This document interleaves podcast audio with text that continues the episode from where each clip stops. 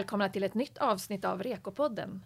Podden som vrider och vänder på frågorna du som redovisnings och lönekonsult bör ha koll på för att sova gott om natten. Men det här rör inte bara konsulter, det här gäller alla i branschen. För idag ska vi prata om hur man ställer om och blir digital och samtidigt är 100% kundnära. En byrå som har gjort denna resa är Saldo Redovisning i Stockholm. Och det har kostat inte bara blod, svett och tårar utan även personal och kunder. Att ställa om inför framtiden är en investering och investeringar kostar och ofta skördar man frukterna först senare. Detta är det sista avsnittet i en poddserie med fokus på att bli digital och 100% kundnära. Vi kommer särskilt att beröra rapportering till kund. Vi som ska diskutera detta är jag, Pernilla Halling, chefredaktör för Fars tidning Balans och Camilla Karlsson som är auktoriserad redovisningskonsult på FAR. Eh, med oss i studion har vi Mattias Affram som är VD på Saldo Redovisning. Välkommen Mattias! Tack! Mattias, ni har gjort den här förändringsresan och eh, när man tittar på hur utfallet så kan man väl inte annat säga, säga annat än att den blev lyckad. Eh, genom att ställa om och bli digitala har ni ökat vinsten med 150 procent jämfört med för ett år sedan. Och under samma period har omsättningen ökat med 40 procent. Det låter ju alldeles fantastiskt. Ja. Och jag förstår att det inte är bara du som har gjort det här. Ni är ju fler Nej. på byrån som mm. har jobbat tillsammans. Eh, men verkligen ett fantastiskt resultat som vi hoppas att eh, vi med den här podden ska kunna inspirera andra att, att också göra, att börja den här förändringsresan eller fortsätta på den om man har börjat. Ehm, Mattias, vad, vilka är de stora fördelarna med att digitalisera själva rapporteringen till kund? Ja, eh, rapporteringen är någonting som blir kanske för många lite bökig när man jobbar mer digitaliserat och automatiserat. Eh, har man kunden insläppt i systemet så kan, finns det en risk för kunden att eh, finns en risk att kunden loggar in i systemet, tar ut rapporter och tänker vad är det som har hänt? Vad, det är någonting som inte stämmer. Eh, där är det viktigt att man är tydlig mot kunden när man har gjort klart en viss period. Att man verkligen berättar för kunden, nu är vi klara med den perioden. Nu kan du logga in och titta. Så att man inte, det är bara en liten, liten tips som vi har märkt av att många kunder har. Mm. Loggar in mitt under en månad och tittar på sina rapporter och det ser helt uh, galet ut. Uh, så det här är en sak som egentligen i det här digitala arbetet att kunden har tillgång till allt. Uh, att kunden kan logga in och titta på allting uh, löpande. Så det är bara en liten, liten parentes att man ska vara tydlig med att förklara det här också för kunden att de behöver få ett okej okay från oss innan de loggar in och tittar på en viss period. Ja. Uh, men annars är det att digitalisera rapporteringsdelen, det finns ju flera olika sätt att göra det på. Men vissa kunder, det, det gäller egentligen att vara smart mot kunden. Vad är det för behov egentligen kunden har? Eh, vissa kunder vill inte ha ett rapport, rapportpaket på sju sidor. Det räcker med att de vet vad de för omsättning och vinst. Så att mm, eh, rapporteringsdelen är nog mer om att uh, försöka vara smart och förstå behovet som kunden har. Man ska inte lägga ner massa tid på att kunden ska få massa mm, information som inte de förstår. Antingen så förklarar man för kunden om man har den uh, tiden och lusten så ska man förklara alla siffror men det kanske ändå inte ger så mycket för kunden för det är inte det kunden är intresserad av. Eh, men för att kunna rapportera på ett eller annat sätt så finns det ju massa rapportverktyg, rapportgeneratorer som är kopplade till eh, redovisningssystemen idag. Där man får eh, realtidsuppdateringar. Där man kan följa eh, företaget eh, relativt eh, nästan dagligen. Vissa branscher, andra branscher kanske lite svårare att följa Mm. Uh, men det är egentligen uh, att hitta ett sätt för kunden som kunden förstår. Uh, annars är det inte jätte, jättestor skillnad mot tidigare förutom att man kan få allting mer uppdaterat mycket, mycket snabbare och inte rapportera tre månader gamla siffror. Nej. Utan nu rapporterar vi mm, riktiga färska siffror som kunden kan ha för sina beslut. Mm. Det blir ett bättre beslutsunderlag helt enkelt. Absolut, och mycket mm. snabbare än vad man kunde få tidigare. Mm. Camilla, eh, Reko nämner ju att man ska rimlighetsbedöma rapporterna innan de skickas till kund. Vad innebär det? Mm, det säger man ju rätt så mycket i Reko. Vi pratar väldigt mycket om rimlighetsbedömningar. Det innebär ju faktiskt att jag ska titta på alla mina rapporter innan jag skickar iväg dem till kunden så jag faktiskt vet att de ger en rättvisande bild och är ett bra beslutsunderlag. Du kan till exempel rimlighetsbedöma kostnader i förhållande till intäkter. Du kan titta mot budget eller föregående år, hur det ser ut och gärna ge förklaringar. För det är faktiskt det här det handlar om, precis som Mattias var inne på, att kunden ska ju faktiskt förstå rapporterna som mm. vi skickar till kunden. För det är ju deras verksamhet, det är ju deras styrdokument. Eh, så det är ju en viktig aktivitet som man gör i arbetet som redovisningskonsult. Det är just att rimlighetsbedöma de här när man stänger perioden. Mm. Det var lite det vi var inne på där också att kunden kan ju faktiskt inte köra ut en rapport mitt på månaden så kanske man bara har redovisat intäkter, inga kostnader. Nej. Det kan bli Nej. rätt så tokiga rapporter, rapporter i, i de lägena. Mm. Eh, så en tydlighet emot kunden här när vi är klara med eh, månadsskifter eller de tidpunkterna då som man väljer att rapportera till kund. Mm. Och det här, det här handlar ju om ledarskap också. Att eh, få med kunderna på det och förklara vad, vad det är som händer och hur man ska hantera det. Absolut, eh, så är det. Och som, eh, eh som, en, som en ekonom så är det ju egentligen det här med rimlighetsbedömning och liknande. Det är egentligen saker som man förväntar sig att en ekonom ska kunna. Eh, det här med att eh, Eh, med ledarskapet är ju någonting som är lite svårare. Mm. Alla har det i sig men alla känner sig lite bekväma med det.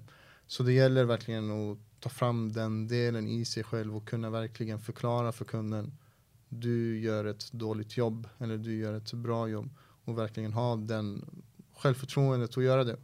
Mm. Och alla, som sagt, alla har det i sig men det gäller bara att ta fram det på något mm. sätt. Hopp, hoppa i sjön. Eller, ja. Och då tänker jag att man som ledare på byrån kan ge, det är väl vettigt att man ger personalen bra verktyg, argument och um, Absolut, stöttar. så är det. Det bästa är ju att ett företag, alltså byråledaren själv visar hur man ska göra. Ja. Uh, det är absolut det bästa. Så, så det är ledarskap både från byråledningen till personalen och sen från, från konsulterna till kund. Så är det, exakt. Mm. Uh, och I vissa fall även ledarskap mot personalen hos företaget i, hos kunden. Så att det är tre stegs ledarskap som uh, man måste kunna. Det är ledarskapet man borde kanske satsa det mesta energin och tiden på då? Absolut, mm. det är det absolut det bästa. Och det bästa är också eftersom det ändå kommer vara en liten investering som byrån måste göra uh, så skulle jag nog se den investeringen att man försöker om man har full beläggning få bort lite kunder från sig själv. Ha en beläggning på 30-40%. Absolut kostar det pengar att ha en annan person som gör det. Men det är jätteviktigt att ha det. Om man verkligen känner att man inte kan göra det själv kanske man kan utse någon på byrån som har den som får den rollen att den personen ska leda det mm. digitala automatiserade eh, jobbet. Mm. Men har man full beläggning på allihopa så blir det svårt. Ja. Så att, eh, det är faktiskt ett rätt viktigt, uh, viktigt att tänka på. Så att när man påbörjar en omställningsprocess så ska man kanske också fundera på om man kanske ska anställa någon Absolut. mer, om, om man nu har fullt. Mm. Och eh, som, som jag vet att ni förlorade en del personal under omställningsprocessen. Då måste ju det ha varit eh, extra svårt. Absolut. Sen, sen, var det så att man anställde ju nya under tiden. Mm. Men eh, just då hade jag och egentligen Mattias Segerbrand som ledde den här eh, processen. Vi, var ju, vi hade ju full beläggning. Ja. Eh, och det var lite mycket där föll också. Det blev väl leda med vänsterhanden då eller? Ja men lite mm. så är det. Så man fick jobba typ på fritiden och försöka lösa resan mm. under arbetstid. Ja. Så det var in, in, ingen rolig period i livet. Men det blir roligt nu. nu är det roligt. Nu är det bra. Mm. Um, hur, hur, gör ni med prissättningen? Har ni övergått till fasta priser? Vi har fasta priser. Vi har fasta priser på 95 procent av kunderna. Eh, har vi fasta priser. Eh, och där är också lite mentalt svårt, får man säga så, att det är svårt att skicka en fast faktura till kunden. Kunden i de flesta fallen har inga problem med att få en fast faktura, eh, faktura på fast pris. Eh, men sen handlar det också om vilket pris man ska ta. Ska man höja priset? Gå ner i pris är inget alternativ, utan det ska man inte göra. Eh, men det man gör ju, man tar ju snittet. Alltså självklart baseras fasta priset på någonstans nedlagda timmar. Eh, mm. Så att det är egentligen bara att göra och sen är det kanske att man inte får någon feedback från vissa kunder att ja, men nu ska vi ta fast pris och så får man ingen feedback från dem. Vi har gjort så att i vissa fall har vi ändå räknat ut en fast summa och skickat det till kunden. Mm. Och de har inte ens eh, kommenterat. Jag vet att ni förlorade en del kunder också under omställningsprocessen. Mm. Hade det något med priset att göra? Nej, ingen hade något med priset att göra. Det var mest för att de inte gillade sättet vi jobbade på eh, eller att det blev lite för stökigt för dem. De vill inte bli digitala. Precis. Nej. Och sådana finns alltid. Så Mm. räkna med att ni tappar några kunder i resan. Det är ingenting man ska bli orolig för. Nej, absolut inte. Det är Nej. bara så det är. Gör ni alla glada så jobbar ni fel. För att ni ska jobba på det sättet ni vill göra så ska kunderna anpassa sig till det. Eh, gör ni så som kunderna vill, absolut behåller ni kunderna men då spretar man lite överallt. Mm. Eh, men när man pratar lite om fastpris här med, tänker man inte rätt så mycket på paketeringar utav olika tjänster tänker jag då. Man har ju olika värdeleveranser. Det är ju faktiskt viktigt att kunden tycker att det är ett värde det vi levererar när det inte är i tid i samma bemärkelse som man säljer framåt. Ja, nej, men absolut är det ju så. Eh, men samtidigt ska man inte, inte visa hur mycket tid man sparar själv utan man får egentligen förklara hur mycket kunden sparar i tid på att jobba på det sättet. Eh, sen har vi också som är på byrån en liten tanke på okej, om vi tänker oss att bokföringen är helt automatiserad, vi kan inte ta betalt för bokföringen, den är gratis. hur kan vi motivera den fasta summan vi fakturerar kunden? Vad är det för extra extra tjänster som vi kan erbjuda som vi kan motivera de pengarna vi fakturerar kunden. Och det är ju en fråga som man egentligen bråkar med varje dag. Eh, om inte det finns bokföring, hur kan vi motivera det vi fakturerar? Mm. Vad är det vi fakturerar för? Bokföring, ja men det är borta snart. Vad är det vi tar betalt för? Eh, Ja, hur det blir med bokföringen får vi väl se, men eh, råd, det blir mer rådgivning i alla fall. Så är det. Mycket rådgivning, mycket mer rådgivning. Det ska man inte vara rädd för. Och, eh, det är ett uttryck som många är rädda för. Men det är egentligen, rådgivning behöver inte betyda att man ska, nu ska alla kunder omsätta tio gånger mer än vad de har gjort och ha en, stora vinster. Utan rådgivning kan handla om små, små sak- saker som egentligen för oss är rätt naturliga och rätt, eh, alltså, inga svåra saker. Men för kunden betyder det jätte, jättemycket kunden har inte så många att prata med om deras företag. Redovisningskonsulten är nog den enda personen för många som de kan bolla med. Blir det liksom ja, bollplank då? Ja, nej men Mer. precis. Det är ju lite så det är. Eh, Och man kan få allt för frågan. Ja, men ska du köpa en leasingbil istället för att ha en privat? Och det kan vara lite sådana saker. Mm. Eller att man själv lyfter frågan. Ja, men ska du inte köpa en leasingbil istället för att ha en privat? Mm. Så det, i början handlar det inte jättemycket om rådgivning. Alltså rådgivning handlar om små saker hos kunden. Och Ja. egentligen se kunden. Eh, lite proaktivitet mot kunden. Det där tycker jag låter superviktigt, just se kunden och ha lite proak- proaktivitet i sig där också. För det blir ju också en faktor här när mer och mer sker helt och hållet automatiserat att man får faktiskt mer tid över som eh, konsult också. Absolut. Och då har du ju möjligheten att eh, kunna få tid att hjälpa din kund att nå sina mål och eh, hjälpa dem att få bättre lönsamhet till exempel. Absolut, och när man jobbar mer automatiserat så har man mindre kontakt med kunden. Därför är det extra viktigt att verkligen, verkligen se kunden, höra med kunden, vad du vill, Mm. vad du gör eh, och lite förstå verksamheten. Men, Mm.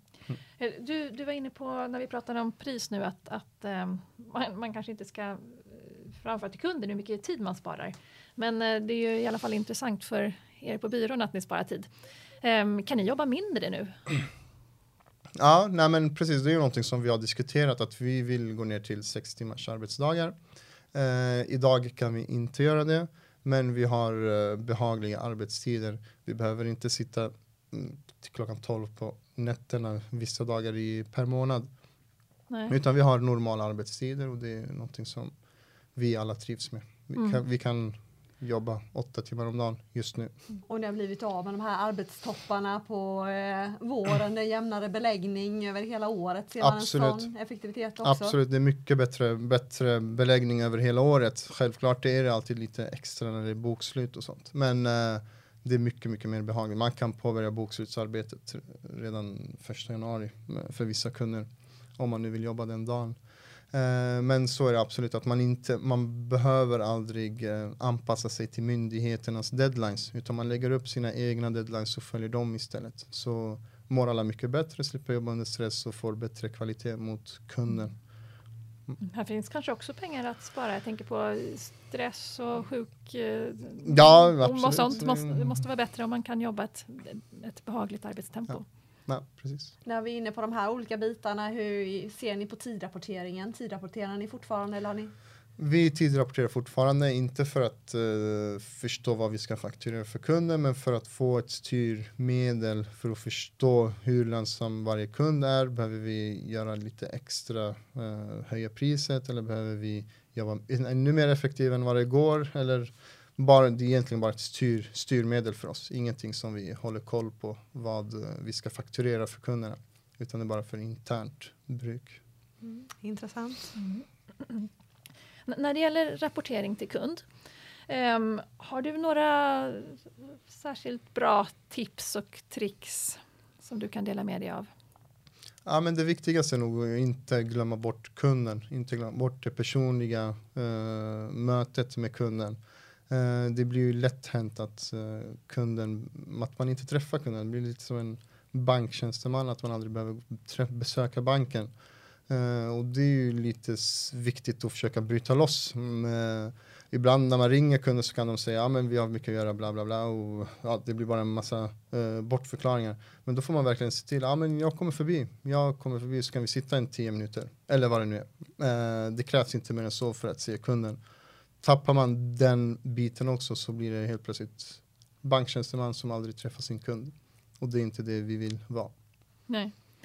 Så det gäller att hålla, även när man går över till mer digitalt och kan göra allt i mobil och dator så måste man träffas mer för att få Ännu mer än tid. kontakten. Tidigare ja. träffade man kunderna åtminstone en gång i månaden när de skulle lämna materialet. Ja. Eh, men nu är det inga sådana såna överlämningar längre så att nu är det ännu viktigare att verkligen lyfta luren och ringa kunden eller besöka kunden. Mm.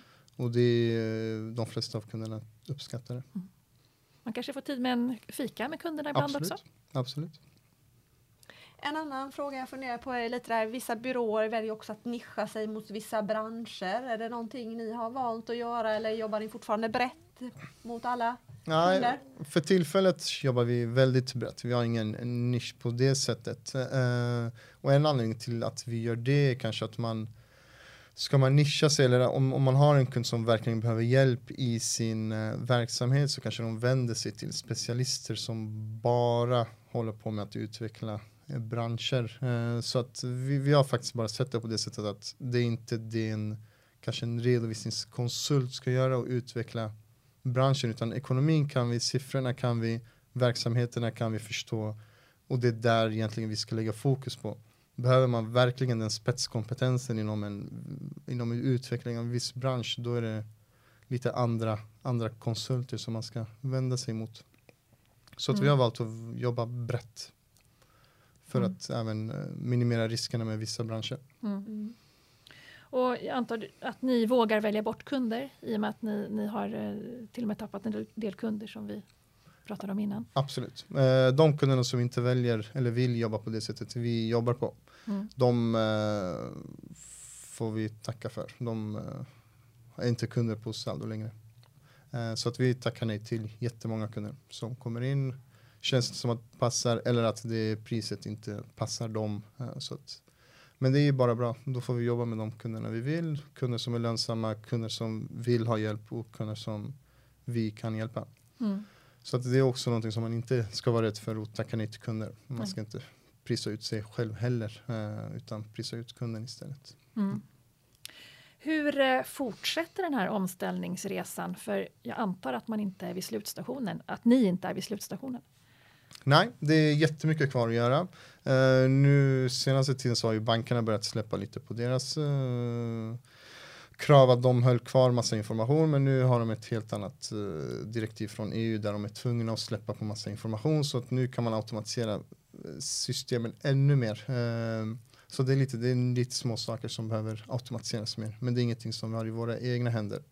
Mm. men så fort det är klart så har vi full fokus på hur man hjälper kunden. Det är kunden som är högst upp på prioriteringslistan. Det är där vi lägger ner all fokus. Bokföring, redovisning, det hamnar lite längre ner i prioriteringslistan. Dock är ju allting baserat på fortfarande på bokföringen och redovisningen. Så att eh, kunden är det viktigaste. Eh, personliga mötet, personliga personlighet, alltså personligt mot kund. Det är absolut det viktigaste. Det kommer nog eh, vara den största skillnaden mellan olika byråer.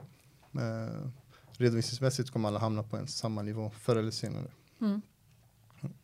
Jag funderar lite på när du pratade här kring eh, just att mycket sker med teknik och rapportering av de här bitarna. Hur mycket av er tid behöver ni göra för att eh, göra rättelse i systemet eller sker allting på automat Eh, automatiskt? Blir det rätt på en gång?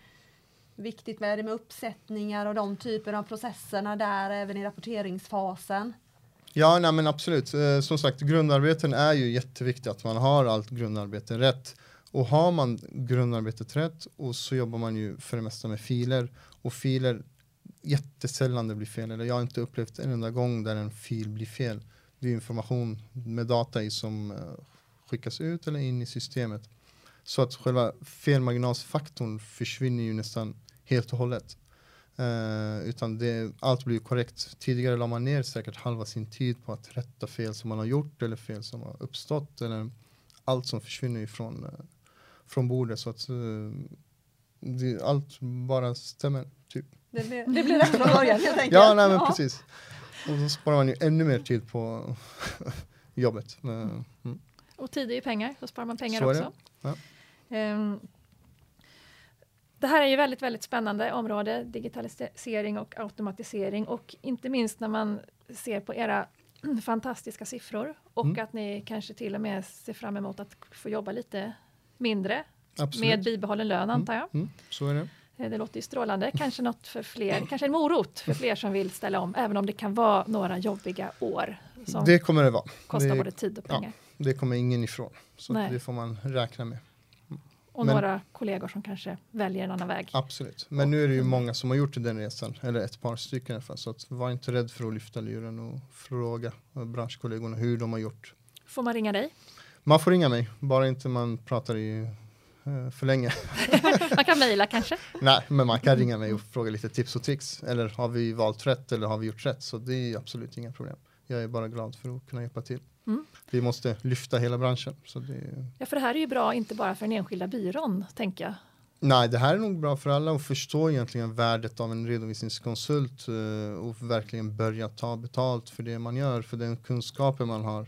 Jurister kan ta 3000 kronor i timmen, men uh, det kan inte en redovisningskonsult göra fastän besitter vi jättemycket kunskap. Alltså mm. det går inte att beskriva hur mycket vi kan.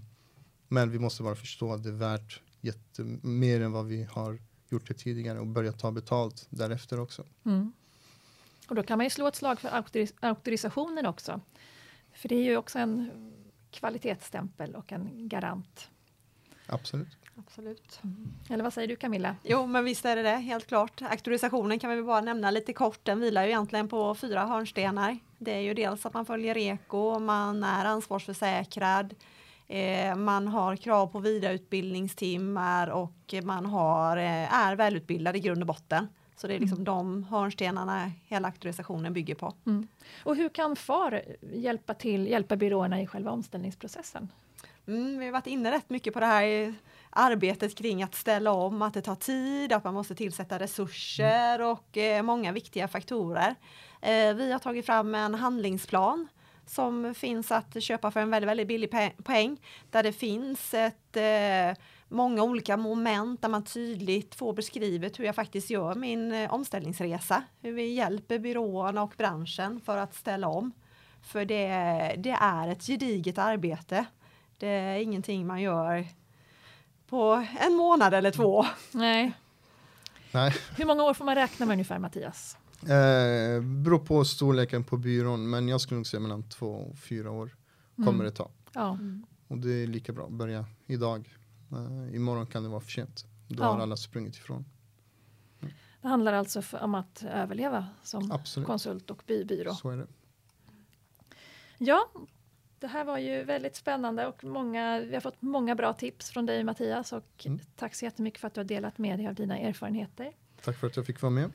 Tack. Um, det känns ju väldigt, väldigt um, tydligt att ledarskapet är den stora frågan. Man måste bestämma sig och man måste se till att satsa på ledarskapet. Mm. Det andra, de andra bitarna är lite lättare att få till. Finns. Det finns, uh, finns bra system, finns bra sätt att göra det på. Ja. Så att allt handlar bara om att bestämma sig och göra det. Ja. Mm. Och ledarskapet är både från byråledningens sida men även gentemot kund. Absolut.